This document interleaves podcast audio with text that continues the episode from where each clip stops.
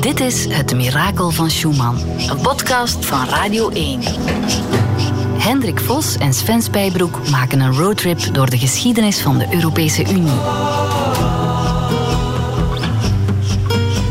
In deze aflevering Brexit. Hoe Europa nu weer met 27 is. In Europe, we have so many British expats. Hendrik en Sven zien de gevolgen van Brexit in een Britse winkel. And they weren't allowed to vote for Brexit. Had they been allowed to vote, it would have been a very different story. Sven geeft commentaar op de speech van Europarlementslid Cindy Fransen. Uw opmerking was pertinent. Ik heb het aangepast. Wat was mijn opmerking? En vergeet wat zijn commentaar was. Om het persoonlijker te maken, was het dan niet? En praten met Richard Corbett, een Europarlementariër die door de brexit zijn job verloor. Dat zijn slechte dingen voor de EU ook. Een lidstaat te verliezen voor de eerste keer. Maar het is catastrofisch voor het Verenigd Koninkrijk. Het is vijf uur s ochtends en we zijn in Oudenaarde. We zijn op weg naar het huis van Europarlementslid Cindy Fransen. Dus van Oudenaarde naar Straatsburg is vijf uur en half. Cindy Fransen vertrekt over een uur naar Straatsburg, waar het Europees Parlement één keer per maand een week vergadert. Straatsburg ligt echt in een uithoek. Hè. Komt vlakbij Duitsland.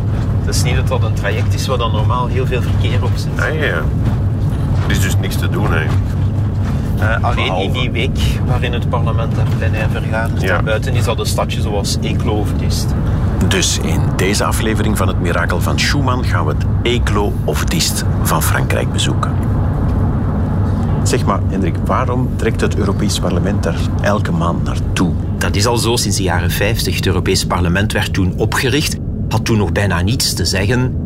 En men zocht een plek waar dat kon vergaderen een paar keer per jaar. Je had ook nog geen voltijdse parlementsleden. Dat waren nationale parlementsleden die een paar keer per jaar een Europees petje opzetten, wat gingen leuteren over Europa. Men zocht een plek waar dat goedkoop kon gebeuren. En in Straatsburg was er een andere organisatie, de Raad van Europa, die daar een zaal had die het grootste deel van de tijd leeg stond en die zei van jullie kunnen een paar keer per jaar onze zaal huren. Oké, en pas later is de hoofdzetel in Brussel gekomen. Later werd dat parlement belangrijker, waren er voltijdse parlementsleden die we rechtstreeks verkozen, die wilden in de actie zitten wat de andere instellingen zaten in Brussel.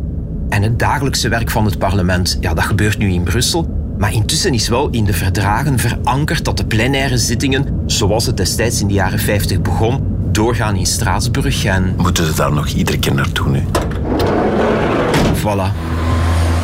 Ah, is dat licht? Oei, oei, staat er al. Ja, aan de venster. Cindy staat ons thuis op te wachten. Goedemorgen. Hey, hey, hallo. We hebben afgesproken om samen naar het station van Oudenaarde te gaan. Moet ik het zelf bedragen? Ja, en ik neem de auto, ga je niet. Nee, eh, ah, is dat je auto? Oké. Ah ja, ja, het staat erop, Cindy Frans. Ja.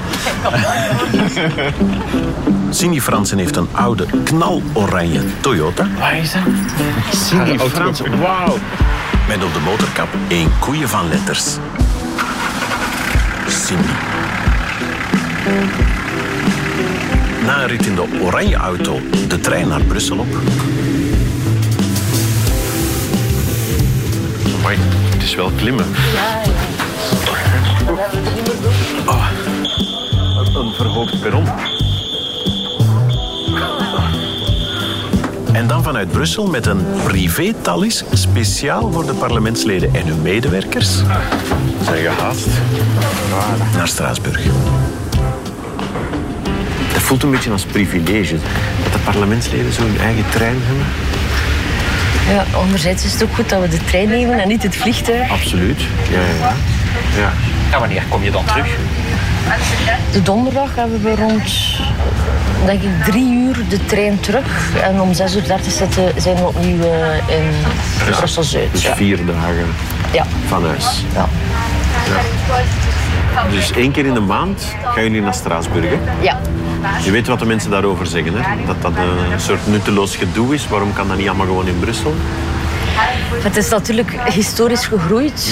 Als je de locatie wenst te veranderen, dan moet je een ver- verdragswijziging doen. Je hebt natuurlijk unanimiteit nodig, ook binnen de Raad. Dus Frankrijk zal niet eh, staan springen om, eh, om dit te doen. Maar wij zijn zelf wel eh, voor de single seat. Dus voor uh, één hoofdzetel eigenlijk nog, het liefst in Brussel.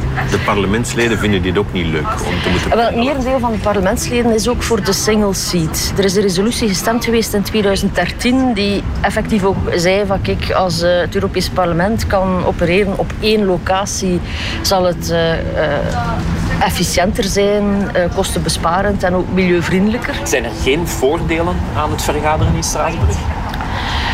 Jawel.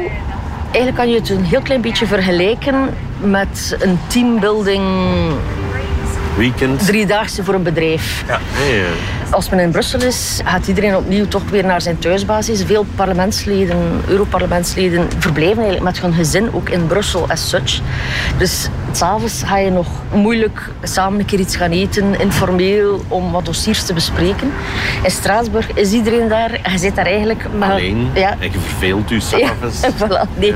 Maar, enfin, door Hans die wierwaar normaal gezien, heb je niet altijd de tijd in Brussel om inderdaad wat structureler te gaan in je gesprekken en je contacten. En als men daar uh, verplicht op locatie is, ga je veel sneller afspraken maken. Hè. Een koffie gaan drinken met wat collega-parlementsleden van andere fracties om, om dossiers erdoor te krijgen, om te zien hoe en wat. Dus dat is wel goed eigenlijk. Dat is een reden om dat te behouden. Dat is juist, maar eigenlijk zou je dit ook in Brussel moeten kunnen doen. Maar dan moet iedereen daar wel blijven. blijven. Ja, dat klopt. Dan mag je s'avonds niet naar huis. Er wordt s'avonds genetwerkt, er worden koffies en pintjes gedronken. Maar er is natuurlijk ook de plenaire zitting. En tijdens de zitting heeft Cindy spreektijd gevraagd. Je gaat tussen beiden komen in de plenaire vergadering. Je tekst al wat voorbereid. Mogen wij die eens zien? Dat is een tekst, maar ik ga moeten uithalen die een eerste worp van de medewerker, maar ik ben er zelf nog niet doorgegaan. Maar zo de eerste draft willen wij wel eens horen. Misschien kunnen wij tips geven. Spreek voor uzelf. Parlementsleden kunnen tijdens de zitting hun standpunt duidelijk maken. Maar met honderden parlementsleden is het natuurlijk belangrijk dat het ordelijk gebeurt. Dus iedereen krijgt maar een klein beetje spreektijd. En die wordt precies afgemeten. Is wat is het? Ondertussen heeft Cindy toegegeven met een beetje tegenzin haar voorbereiding voor haar speech bovengehaald. Dit hier, dit blad, dat is uw tekst. Ja, maar dat is eigenlijk echt nog maar een eerste draft. Ik zie hier staan plenaire tussenkomst, joint health debate. Ja. Dus dat gaat over gezondheidszorg. Ja. Spreektijd anderhalve minuut. En dan ga jij dit voorlezen. Ja, maar je brengt het natuurlijk wel... Allee, je houdt je wel aan je, aan je paragrafen, maar soms allee, brengt het toch ah, op je toch wat te variëren. dit is nog een beetje te veel geschreven taal. En okay. moet het echt meer in spreektaal... Uh... Allee, doe maar. ja. Ga timen. Ja, start. Voorzitter, collega's, als we iets geleerd hebben uit deze crisis, is het wel dat lappendekens aan maatregelen, wanneer we getroffen worden door medische noodsituaties, geen oplossingen zijn. Integendeel, we hebben meer Europa nodig op vlak van volksgezondheid. Meer coördinatie, snellere afspraken, betere voorbereiding en vlottere samenwerking. Op het hoogtepunt van de coronacrisis werd reguliere zorg stopgezet of uitgesteld. Urgente behandelingen of operaties werden uitgesteld. Dit kan niet. Laat ons er dus voor zorgen dat we in de toekomst beter doen. De beslissingen die we hier nemen zorgen hiervoor. Want ook dat zal levens redden. Stop. 1 minuut, 21 seconden en 66 Maar ik heb het al afgerambeld. Hè. Ja. Je hebt gezegd, we moeten meer samenwerken. Die samenwerking moet er ook voor zorgen dat we daardoor andere zorg die wordt uitgesteld, eigenlijk dat het niet meer hoeft. En zo komen we aan in Straatsburg, een uh, stad op de grens tussen Duitsland en Frankrijk. Uh, jongens, we moeten naar de andere kant. Hè? Cindy heeft parlementaire verplichtingen, maar ze belooft om ons morgen rond te leiden in het parlement. En dus hebben we tijd om de stad te verkennen. Straatsburg leeft en bruist, ja. maar vooral in de weken dat ook het Europees Parlement hier vergadert. En dat is de reden waarom dat, dat stadsbestuur en de Fransen zeggen van wij willen dat dat parlement in Straatsburg blijft. Ah ja.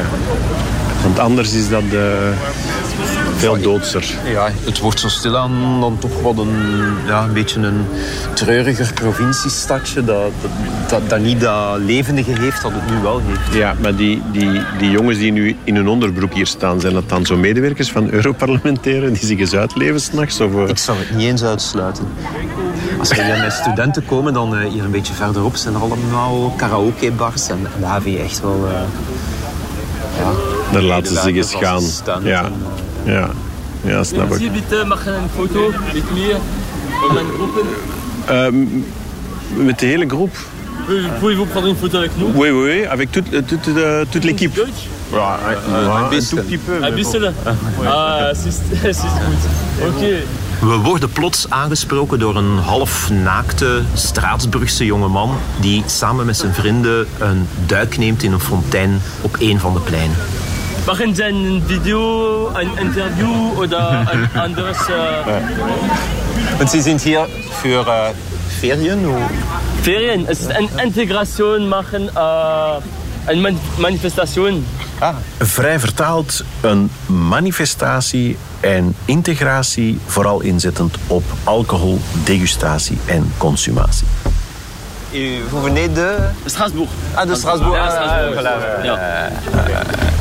La, la, ville de Strasbourg, c'est comment avec où sont les parlementaires Les parlementaires Ouais, parce que maintenant ils sont là. Hein. Ouais, c'est vrai qu'ils sont Cette semaine-ci, est-ce que ça semaine. change quelque chose Non, pour la, ça pour change la pas ville? Non. Ils sont là. Ouais, bah, Ouais, ils ils sont- visitent, ils nous laissent faire euh, notre vie, comme dit. Oui. Et pareil, on fait aussi également nos- ce qu'on a à faire. Voilà, la vie étudiante, elle est là, elle continue. Ouais. Et également, ils font leur boulot de parlementaire, diplomatie, etc. Ouais. Ça, ça se passe bien entre nous. Ouais. C'est Ça change pas correct. grand-chose. Ils sont là ou ils sont pas là. Non, ça change pas grand chose en soi. ouais. La vie continue, c'est Ouais, ça. voilà, voilà. Amusez-vous bien. Merci. Quelle vie, c'est exactement ça. Merci. Passez une bonne soirée. Ouais, bonne nuit. Au revoir. De volgende ochtend ontmoeten we Cindy Fransen aan het Europees Parlement. We staan op het binnenplein van een enorme cirkel. Kantoren. Boven het dak is open. Er is lucht, je kan, je kan de lucht zien. En dus hier en daar zijn er plekken open.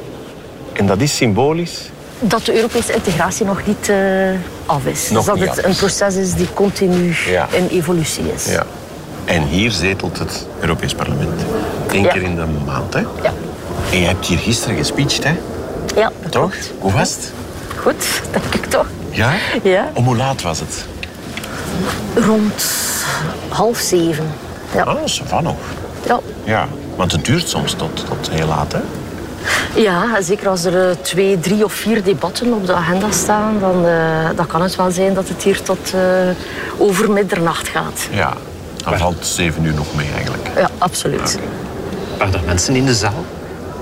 Onze commissaris en uiteraard ook eh, de parlementsleden die tussenkwamen. Hè. Maar hoeveel zijn dat er dan ongeveer? Ik denk dat er gisteren een dertigtal waren die eh, op het gezondheidsthema zijn tussengekomen. En hoeveel zitjes zijn er? Nu 705, Ja. voor de brexit eh, 753. Ja. Dus in een zaal van 700 man zitten dan 30 man. Er zaten dus weinig mensen in de zaal, maar dat wil niet zeggen dat ze niet geluisterd hebben. Dank u wel. Nu geef ik het woord aan mevrouw Cindy Fransen. Collega's, als we iets geleerd hebben uit deze COVID-19-crisis, is het wel dat lappendekens aan maatregelen in de verschillende lidstaten geen oplossing bieden. Integendeel. We hebben meer Europa nodig op vlak van volksgezondheid. Meer coördinatie, snellere afspraken, betere voorbereiding en vlottere samenwerking. Samen kunnen we meer levens redden. En in de meest kritische fase van deze crisis werd reguliere zorg stopgezet.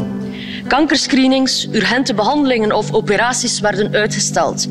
Dit moeten we in de toekomst ten stelligste vermijden. De continuïteit van de kankerzorg en de screenings moet gegarandeerd blijven, ook tijdens de pandemie. En moet het garanderen van de reguliere zorg integraal deel uitmaken van elk paraatheid- en responsplan. Want ook dat zal levens redden. Dank u wel. Je hebt in de trein nog zitten werken aan je tekst, hè? Ja, Is die nog veranderd? Wel, hij is nog wat duidelijker gesteld. Oké. Uw opmerking was pertinent. Ik heb het aangepast. Wat was mijn opmerking? Over wat ging dat? De gevolgtrekking van hoe dat je bijvoorbeeld die kankerscreenings eh, de nodige aandacht Persoonlijker moet... te maken, was het dan? Mm, nee, nee. Het was... En is het gelukt om alles nog in anderhalve minuut te krijgen? Ja. Zou je ons het halfrond kunnen tonen? Er staan nu ook nog mensen anderhalve minuten te praten. hè? Ja, dat klopt. Dus misschien moeten we daar eens gaan naar kijken. Cindy neemt ons mee in het indrukwekkende gebouw Vol glas, plusjes, slingerplanten en parketvloeren. Als we in de zittingzaal komen, is net een collega van haar aan het praten. Asita Kanko. Asita Kanko. Zij staat daar helemaal vooraan in die gigantische ruimte. Dat is wat dit gebouw wel uitstraalt, in deze zaal. Die verantwoordelijkheid. Als je binnenkomt, dan voel je... Het is serieus. Ja. Je moet echt iets proberen, iets, iets te doen. Als ik die beelden zie van het Engelse parlement op televisie... Dat is een heel ander verhaal. Dat is een café waar dat iedereen laat in de nacht begint ruzie te maken. Want het is echt iets helemaal anders. Ja, en je moet telkens opnieuw bruggen bouwen. Hè. Nieuwe meerderheden zoeken. Maar ook proberen tot een compromis te komen. Het compromis is niet slecht. Hè. Dat betekent dat je rekening houdt met zo'n zo groot mogelijke groep van Europeanen.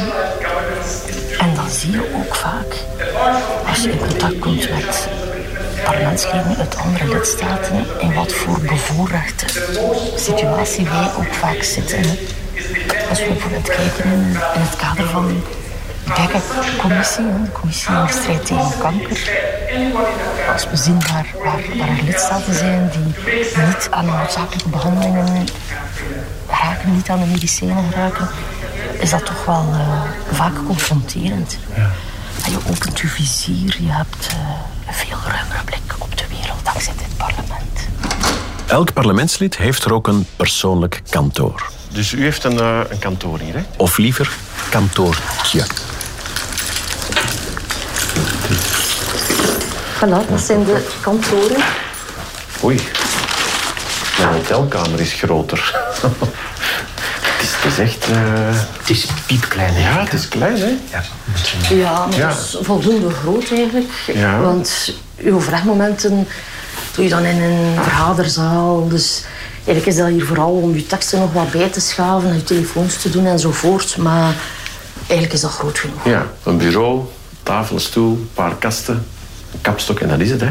Ja. Mensen denken soms van parlementsleden, en zeker in Europa, dat die in paleizen leven. En, en dat dat hier, die denken wellicht dat dat hier heel rijkelijk gedecoreerd is. Ik had meer goud en marmer verwacht, moet ik eerlijk zeggen. Maar dat is het zijn niet. eenvoudige kamertjes. Ja. Maar goed, het idee leeft hè, van, van, van Europa kost, kost handenvol geld. Wij betalen als Belg, ik denk eh 1,46 euro per dag, zoiets ongeveer. Maar we krijgen dan ook nog een hoop terug. We krijgen daar heel veel voor. eh, Landbouwsteun, Wat is het? Erasmus-programma's. en- Een euro 46 per inwoner per jaar? Nee, per dag. per dag. Maar als je dat vergelijkt, dus de Europese pot bedraagt 160 miljard euro voor nu 450 miljoen inwoners. Voor De elk Belgische overheden geven samen 240 miljard uit. En Europa heeft een begroting van hoeveel? 160 ongeveer. Ja, een kleine dus Echt 160. minder. Echt een, een heel stuk minder zelfs. Dus Europa geeft jaarlijks minder geld uit dan, ja, dan zelfs een landje als Denemarken. Een landje als Denemarken geeft jaarlijks meer geld uit dan de hele Europese Unie. Wacht, wacht, wacht. En die Belgische pot, die moeten wij met die 10 miljoen Belgische belastingsbetalers ophoesten. Terwijl die Europese pot, daar zijn we met veel meer voor. kan altijd nog meer efficiënt met je middelen omgaan. In verhouding is Europa niet zo'n geldversnellende machine. En de subsidies die er dan terugvloeien via het landbouwbeleid enzovoort, ja, dat is immens voor de lidstaten. Ja. Ik ben ermee zien gaan verdiepen. Zo die verhuis naar Straatsburg en, en ben begrotingen gaan, gaan doorpluizen. En als alle activiteiten van het Europees Parlement in Brussel zouden doorgaan, dan zou dat jaarlijks een besparing worden van 127 miljoen euro. En dat is natuurlijk Dat is veel geld, toch? Ja, daar kan je veel mee doen. Dus voor die 127 miljoen euro wordt er iedere maand over en weer verhuisd met het hele circus. Maar als je dan weer uitrekent, per Europeaan kost je dat dan jaarlijks 130 cent. Dus dat hele symbooldossier voor die enorme, wat iedereen zegt, die schandalige verhuis naar Straatsburg en terug, die kost 30 cent per persoon. Per jaar. Per jaar. En misschien valt daar veel over te zeggen, hè? Want, want voor het klimaat is het niet goed. Het is tijdverlies voor parlementsleden. En het blijft ook wel geldverlies. Maar ik denk dat er in België soms wel Grote belastinggeld wordt uitgegeven. Meer dan 30 cent aan dossiers die misschien wel wat minder in het nieuws komen, maar, maar die misschien toch ook wel even uh, nutteloos zijn. Ja. er is heel veel om te doen altijd. Hè. Maar, maar een verhouding kost het eigenlijk niet eens zo verschrikkelijk veel. In het Europees Parlement wordt hard gewerkt en worden belangrijke beslissingen genomen. Maar het beeld dat veel mensen hebben is toch dat van een praatbarak met veel geleuter en gepalaver die veel kost en weinig opbrengt. In alle lidstaten zijn er wel mensen die dat denken, maar nergens leefden die clichés zo hardnekkig als bij de Britten. We are not asking for a penny piece of community money for Britain. What we are asking is for a very large amount of our own money back. En dat leidde uiteindelijk tot de Brexit, het moment waarop Europa en het Verenigd Koninkrijk uit elkaar zijn gegaan. Het is één uur. Dit is het journaal met Goedele Wachters. Goedemiddag. Het idee voor het Brexit-referendum kwam van David Cameron, maar hij had nooit gedacht dat het zo zou uitdraaien. Gegokt en verloren dus. The British people have made a very clear decision to take a different path. I hope this victory brings down this failed project. Let June the 23rd go down as our Independence Day. Just feels like a relief. I thought, yes, felt like, you know, celebrating. It's in fact sad to see a country leaving that twice liberated us, twice given its blood to liberate Europe. Uh, I was very surprised when I saw it this morning. It's completely idiotic. I think it's economic insanity. Well, it feels very sad because it's coming to an end. Uh, sad at the level of friendships and working with colleagues from across 28 different countries. You learn something new every day in this place. Many in Europe remain baffled by the logic and causes of Britain's departure, but now they do know it's going to happen. That Brexit is unavoidable and imminent. Parlementariërs moesten hun bureaus leegmaken, kartonnen dozen vol dossiers in hun auto's laden, hun badge inleveren en dan op zoek gaan naar ander werk. Hendrik, waar zijn we nu? We zijn aan de Maison Antoine op het Jourdainplein. Het uh, fameuze fritkot waar Angela Merkel nog fritten ging kopen tijdens ja, een van die vele Europese tops. En die, die top ging het over de brexit. Er werd onderhandeld met, met David Cameron over een aantal toegevingen die dan aan de Britten zouden kunnen gebeuren. Ja, de Britten hadden al zoveel uitzonderingen, heel veel viel niet meer toe te geven. Maar Cameron moest kunnen aantonen dat hij ja, hier aan het vechten was en met het zweet op het gezicht terug naar Londen gaan. En ja, eigenlijk was die top een, beetje een theater en, en die liep uit. En op een bepaald moment kreeg Merkel het wel op haar zenuwen en is hij hier in het fritkot fritten komen kopen. En Merkel kreeg een hongerke. Voilà. En dacht, ik, ik ben weg, ik ga fritten eten in Maison Antoine. Op het Jourdainplein. Voilà, hier zijn we. Uh, deux petites frites, s'il vous plaît. Deux petites Oui. Excusez-moi, madame. Uh, mon collègue ici dit que Angela Merkel à manger des frites ici. Oui. Et c'est correct. Oui. Président de la Commission européenne, la semaine Oui. passée. Von der Leyen Ursula. Ursula von der Leyen. Voilà. Elle a mangé des frites ici. Oui. La dernière fois, donc c'est il y a une semaine, une semaine et demie, je crois. Ok. Et avec quelle sauce? Euh, mayonnaise. Mayonnaise. Voilà. Ok. Elle, C'était mayonnaise. Et C'était pas que pour elle, parce qu'elle a pris pour six, pour six elle a pris six paquets. Ah ok. Voilà.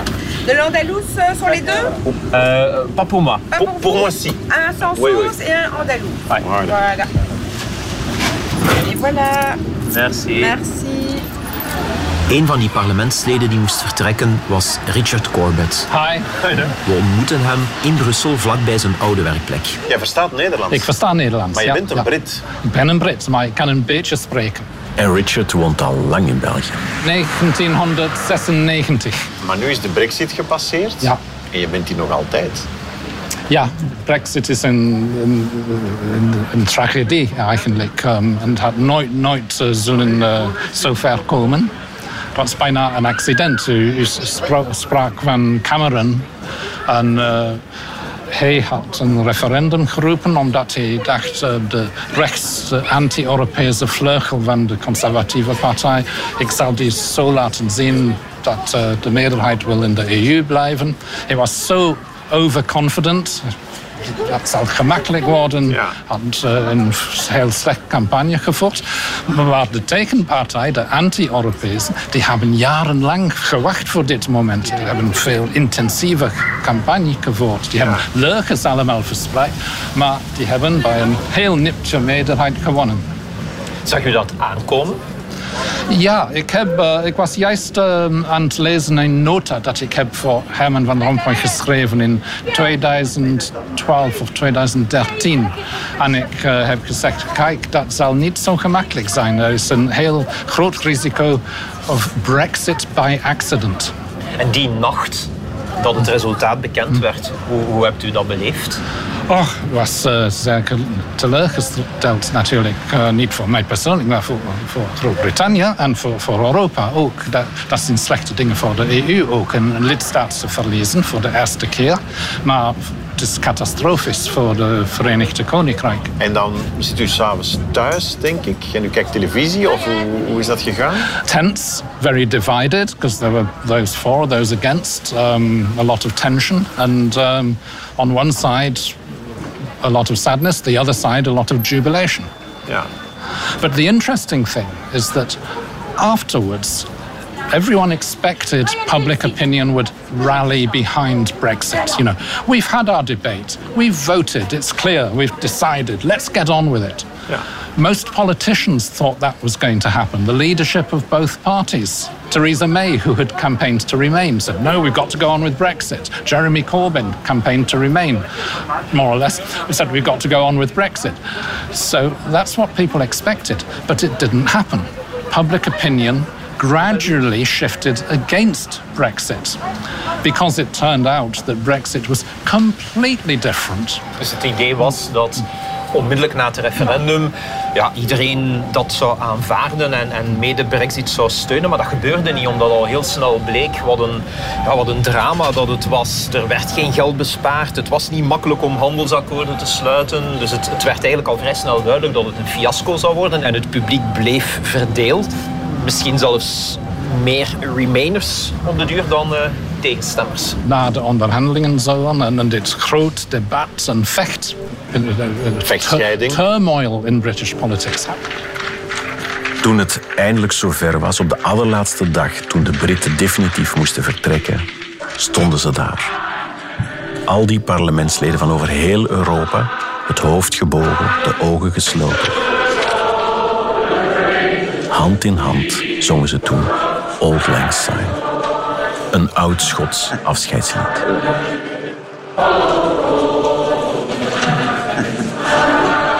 Bijna een halve eeuw zijn de Britten lid geweest van de Europese familie. Niet altijd met volle goesting. En nu was het tijd voor het afscheid. To our British friends and many, perhaps not all, but many of our British MEPs here in the room, I want to use the words of the famous British poet George Eliot. She said, Only in the agony of parting do we look into the depth of love. We will always love you and we will never be far. Long live Europe. De brexit is voorbij, maar u bent hier nog, hè? Mhm. In Brussel? Ja. Is dat gewoon uit gewoonte, leuk appartement voor de liefde of, of doet u nog iets? Nee. Uh, ik, ik, was uh, in Yorkshire uh, tot vorige maand en ik ben teruggekomen naar Brussel. Ik heb veel vrienden hier. en ik was ook gevraagd, een beetje uitzonderlijk, door het Europees Parlement, om het parlement te vertegenwoordigen. vertegenwoordigen. Ja. Als ik u vraag, hoe ziet de toekomst van Europa eruit? We must make it work better. Okay. We need it. Hè? We, we, Mm. we hebben dat nodig in Europa. Die Dus samen, de, samenwerking. Ja, ja op, op sommige dingen werkt het zeer goed, maar af en toe werkt het niet zeer goed. En ziet u de Britten nog terugkeren? Um, misschien. Um, er is al een campagne in Groot-Brittannië voor dat. De opiniepeilen zeggen dat uh, um, misschien een meerderheid het is een beetje nips, hè? maar misschien. En door het feit dat het is de jonge generaties die wou in Europa blijven, maar in de toekomst uh, misschien.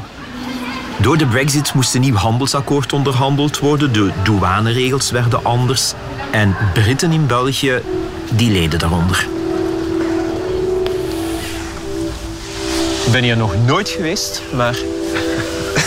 en ik weet ook niet of ik hier vrijwillig zou komen. Een, eh, een, een Britse voedingswinkel. En dat is, dat is een cliché natuurlijk, maar ik vraag me echt af hoeveel lekkere dingen Durf jij dat er binnen zijn. te zeggen zo meteen? Shopmanager Ryan leidt ons rond door de vaak lege rekken. For two or three weeks this year, we were actually closed. For the first time in 42 years, we closed the doors for a substantial period of time because this shop was just empty. We couldn't, we couldn't get any goods over. No one could get goods out of the UK. There was trucks stuck everywhere, and we couldn't get any goods over. The process is still very, very difficult in getting goods across. Um, in fact, people said it might get easier, the paperwork and all, the paper trail that follows all these goods. In fact, it's got harder. They implemented new rules on April 21st, which means it's even harder to import dry goods that could have been simple. Before, McVitie's biscuits, for example, were very easy to import, but now with new regulations, because they may have a high percentage of fat or milk content, classified as a, a composite product that will need more certification. Fortunately for us, we get all those products out of Ireland, so that doesn't affect us. Voor de, voor de eerste keer in, in meer dan 40 jaar heeft hij de winkel moeten sluiten. Omdat, ja, omdat ze niet meer aan producten uit Groot-Brittannië raakten. En intussen is dat beter. 70% is weer wel in de winkel. Maar 30% ja, is, is, is nog altijd heel moeilijk. Allerlei barrières. En, en in koekjes zit dan een bepaalde hoeveelheid melk. En dan moet dan eh, aparte certificaten voor ingevuld worden. En enfin, een hele hoop paparasserij blijkbaar. So if you import from the UK, it's like you would import from China. It's, it's the same, right? But we're not importing stuff that you typically import from China. We're importing uh, long-lasting goods. We're talking food products that have a short shelf life um, in respect to stuff that normally comes out of China, clothing, Yeah. electricals. So the trick is that you import a lot of your stuff from Ireland, yeah. which is within the European Union. Yeah. Uh, because traditionally a, a supermarket works on just-in-time processes, so the stock arrives just in time. So we're not sitting on massive stock loads um, to keep the products within a good date for our customers. Um, but when we're getting stuff in from the UK, that has to change now. We can't import the smaller quantities that we were before. We have to import four, five, six weeks worth. So it's a, a bigger load with smaller amount of different products on it. So the paperwork is simpler and quicker to get through. Okay. We try to work it to a four to six week window, only on products that we know that will last at least six months. Yeah.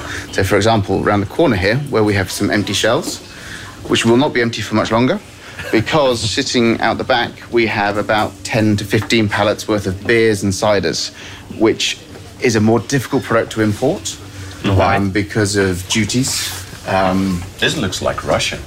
In the 80s. yeah, that's what a lot of people said when they It's came, empty. when when they came in. The whole shop was like this. Yeah. Um, but we've just made space so we can get a, a good selection of beers and ciders out, going probably out to shelves tomorrow. Maar voor bier en cider ja, is, is blijkbaar moeilijk. Hè. Verschillende regels ook, verschillende Ja. soorten belastingen. En, Yeah. Must have been very frustrating for you and for your customers. Yeah. That 23rd of June 2016, day of the referendum, did you realize that day this will be a mess? Yes. Yeah. There, there was no straight. I, we couldn't, as a company, we couldn't see how this would work in our benefit to start with. Um, and as more and more information got released, the more and more we were we were right. It's never been straightforward and never will be straightforward. There's big issues brewing at the moment with the Irish border, which again could affect us because a lot of our stock comes from Ireland, which they incidentally get from the UK. Um, so again, when this border issue gets resolved, which has to be handled very delicately by both the UK, Ireland, and the EU, but I don't think the UK and the EU are best friends at the moment. So we'll see how that happens. But there could be issues there. And I think a lot of people that voted for Brexit are disappointed as well. If we were to have a referendum now, I think the story would be different. I'm also disappointed in the fact that in Europe we have so many British expats and they weren't allowed to vote. If you've been out of the UK for a certain amount of years, I don't know how many years it is, um, you're not allowed to vote. So like my, my parents who live here, not allowed to vote. Hij is zo ontgoocheld. Hè. Hij, hij heeft voor Remain gestemd. En ja, het was nipt. En hij, hij denkt ook als alle expats hadden gestemd... En ze mochten niet allemaal stemmen. Wie al lang in het buitenland woonde, die mocht niet stemmen. Eh, dan, ja, dan had het resultaat ook anders kunnen zijn. Ja. Surely some of your customers must have voted leave. I think they did, yeah. Um, the ones that were, circumstances, each their own. Um, I'm not one of these people that would be, not be a friend with someone who voted for the opposite reason. I know it's caused a big rift with some people in the UK who won't speak to Remainers or, or Leavers. It's unbelievable, but I'm not like that. I mean, each to their own opinion, and politics is a crazy different world. Um, you can be friends outside of politics. Hendrik en ik reizen heel Europa door. Maar ondertussen is er ook nog altijd de vraag natuurlijk naar wat is letterlijk het mirakel van Schumann? Zou het ongeval van Hendrik het mirakel kunnen zijn waardoor Schumann zalig verklaard wordt? Sven, ik heb weer post gekregen van het Vaticaan. Kijk hier. Citadel Vaticano. Mag ik zien? Er staat een mooie oeh, logo. Pontificio Comitato di Scienza Storice. Mag ik hem open doen? Eh, ja, doe maar open. Ja, het is, dan, het is een kerstkaart. Ja, met een boodschap van de paus. Nee. Buon Natale e felice anno nuovo. Feliz Navidad, enzovoort, enzovoort. In alle mogelijke talen. Merry Christmas. Wauw. En eh, er zit een brief bij. Door Bernard Ardura ondertekend. dat ja, is ja, die ja. man die eh, Het dossier van met het dossier bezig is. Hè? Ja, eh, opvolgt, oké. ja. Wauw. Lei mi farà avere la sua cartella clinica completa. Het is een volledig medisch dossier, neem ik aan. Ja, mijn dossier op. E se darà il suo consenso perché il medico possa eventualmente parlare con me del suo caso. Ja, om mijn medisch geheim, of, of dat ik mijn medisch geheim wil loslaten. En Ah, ja. ze willen rechtstreeks communiceren nu met de dokter die mij behandeld heeft. Precies. Klinkt wel serieus, hè? Ze nemen dat serieus, want Sven, ik heb nog een tweede brief gekregen. Oké. Dit is handgeschreven. Ah ja, ja. En die andere was geprint?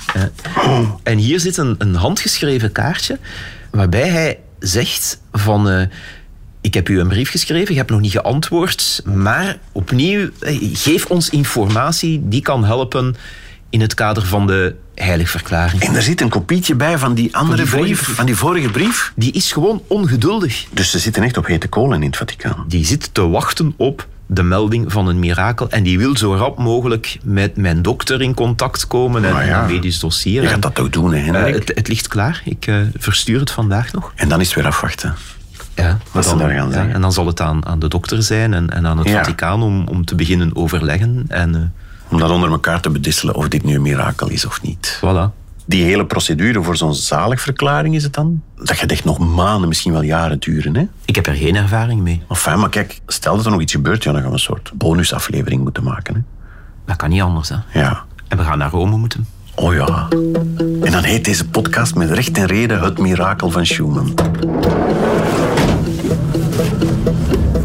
Er is niet alleen de scheiding tussen de Britten en de Europeanen, maar ook het Verenigd Koninkrijk zelf is verscheurd geraakt en oude wonden dreigen te worden opengetrokken. En daarom vertrekken we in Brussel en we gaan naar het westen. We gaan richting Ierland en daar nemen we de auto naar Noord-Ierland. We staan in de file. Ja, zo gaan we niet in eh, Noord-Ierland geraken. We zijn ongeveer op de grens tussen Ierland en Noord-Ierland. Dus de grens tussen de Europese Unie en een voormalig stuk Europese Unie. Die vrede in Noord-Ierland, het is een enorm lang conflict geweest hier. Hè? Ja, jaren 70, jaren 80, dat was burgeroorlog. Ja, katholieken tegen protestanten. De IRA die willen bij Ierland en de protestanten die willen eigenlijk deel blijven van Engeland. En ze geraken daar niet uit en iedereen begint iedereen te vermoorden en te terroriseren. Ja, dat was een van de, de onveiligste plekken die er waren hè, in heel de wereld. Dat is eh, een paar duizend doden, meer dan 3000. Ja. En ik herinner mij dat ook als kind. Hè. Dat was zo de periode van hongerstakingen met Bobby Sands die dan doodging in zijn cel. Dat was een IRA-militant, hè? Ja, ja, ja. Bobby Sands is dead. The 27-year-old member of the Irish Republican Army who went on a protest hunger strike 66 days ago has died. It's these border crossings which are the deadliest areas. This is a real problem in the free world that a nation armed like Britain is will send paratroopers against unarmed innocent citizens in our country. En Bloody Sunday zo, dat is... Bloody Sunday, hè, dat was het leger dat als een soort vergelding een heleboel onschuldigen toen eh, heeft, eh, heeft doodgeschoten. Dat is Bloody Sunday. echt. En dan eh, ja, ook heel veel vergissingen en zo. Hè. De Guildford Four. En, En de Guildford Four die zaten onterecht vast. Hè? En die hebben enfin, een half leven moeten procederen. Om dat dan toch te, te bewijzen. De Troubles, zoals de kinderen genoemd werden, was een bloedig conflict en vlak bij ons. Gelukkig kwam daar een einde aan in 1998. 1998, dat vredesakkoord. Vredesakkoord. Mensen die dat onderhandeld hebben, John Hume en David Trimble, die hebben ook een Nobelprijs voor de vrede gekregen. Precies. Toen is de angel eruit gehaald. Voilà. Toen was het gedaan met bomaanslagen en vergeldingsacties. De essentie van heel dat conflict was dat de katholieke Noord-Ieren wilden aansluiten bij Ierland. En de protestantse Noord-Ieren die vonden het ongelooflijk belangrijk om deel te blijven van het Verenigd Koninkrijk. En die, die voelden zich Brit. En die woonden door elkaar ook, dus je krijgt echt een soort burgeroorlog. Ja. En daar gaan we nu naartoe. Maar ver geraken we niet voorlopig. Nee, ja. De file waar we in zijn terechtgekomen heeft gek genoeg niks te maken met de grensovergang. Een beetje stilte. Want hoewel Ierland lid is van de EU en Noord-Ierland lid van het Verenigd Koninkrijk, kan je de grens toch gewoon zo oversteken. Sloop die muren om ons heen. Je merkt er niks van. Hier komt beweging. Hoi, kijk. Zou dit de grens zijn? Nou, dat is Ga niet vergeten dat je links Ik was je zeggen, ik was al terug vergeten.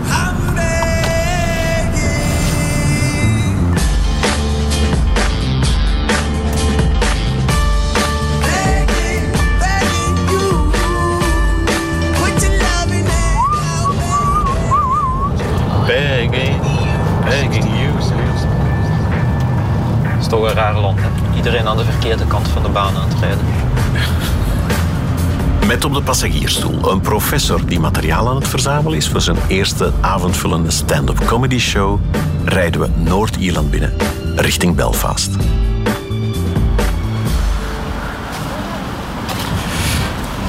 Hier zijn we dan, centrum van Belfast. De grens overgekomen, die er geen was.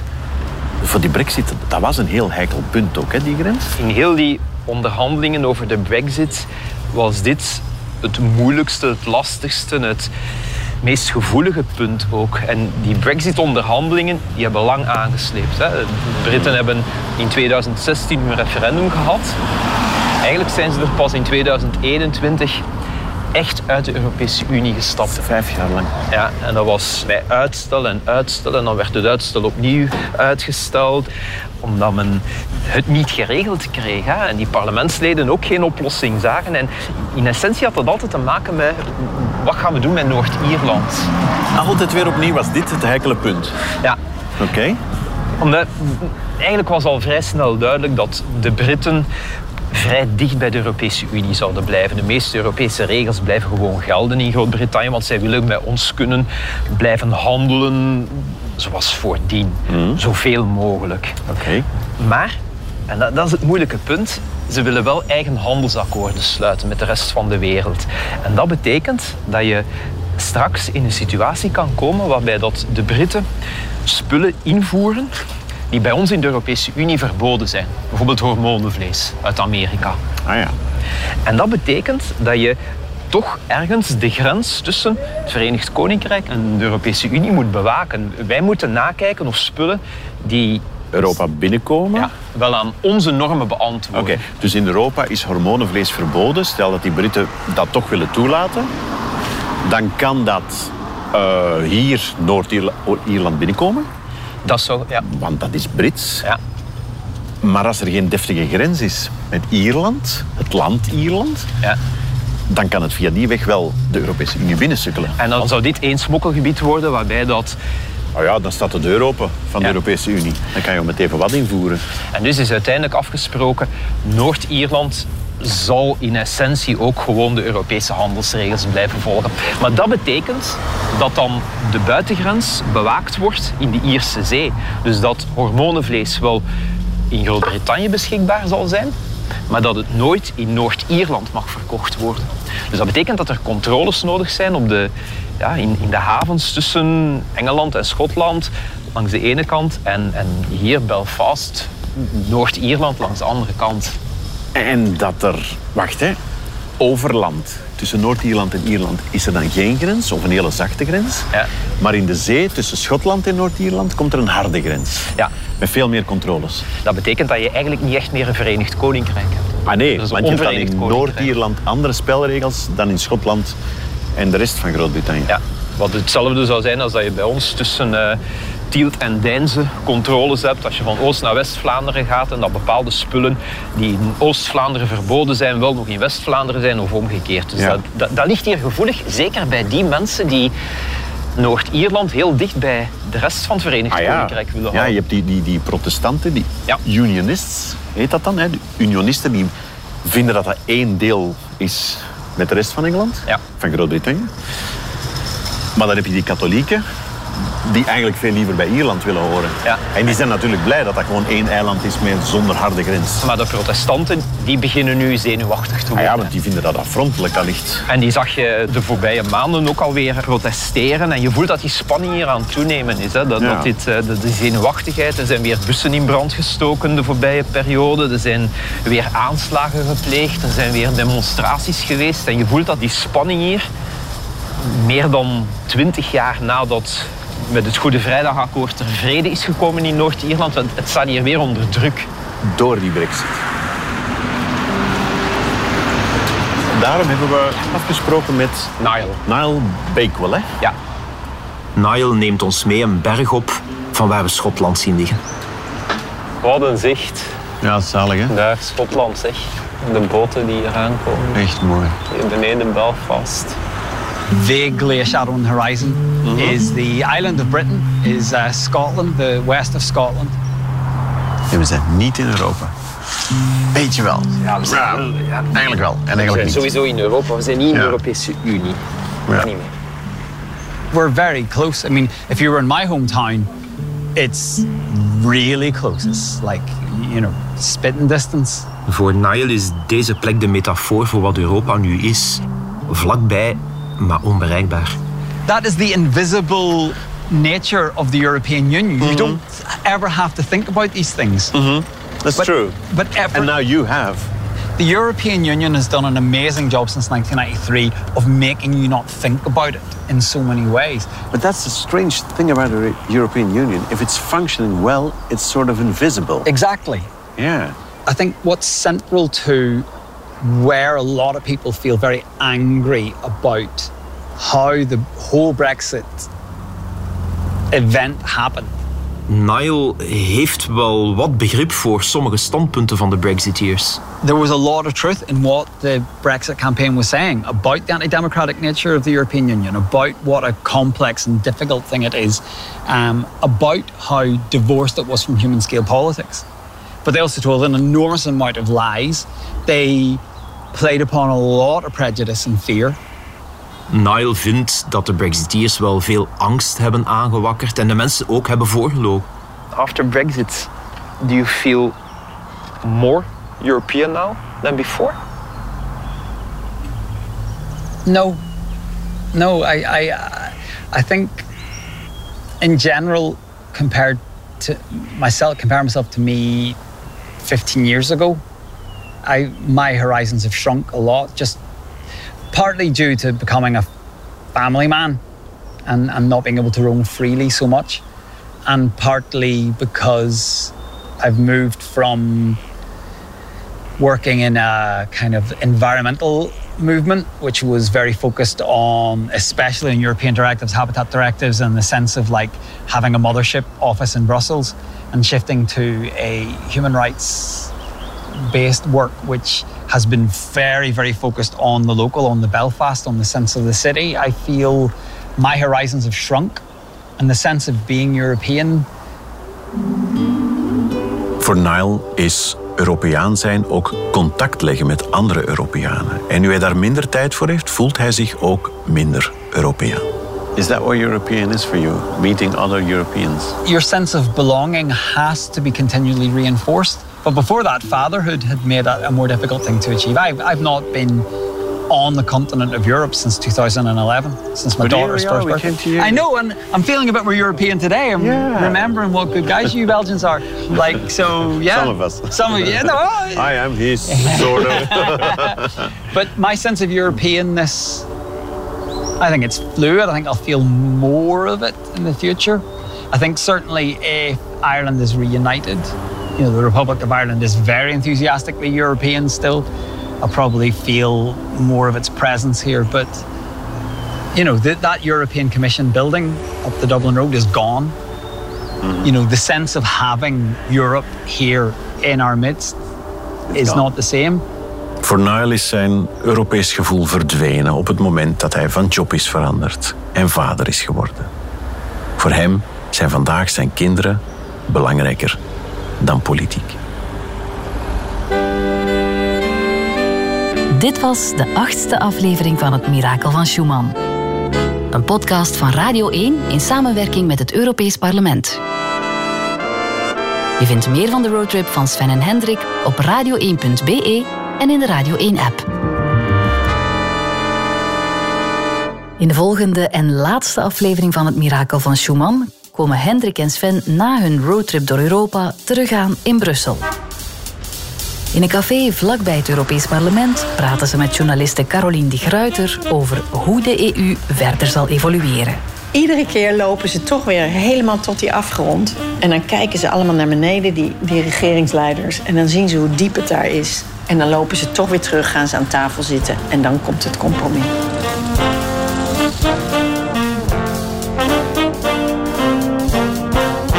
Vond je deze podcast interessant? Luister dan zeker ook naar Het Geheugen van de Mug. Een podcast met historische verhalen die de geschiedenisboeken nooit hebben gehaald, maar te leuk zijn om niet te vertellen.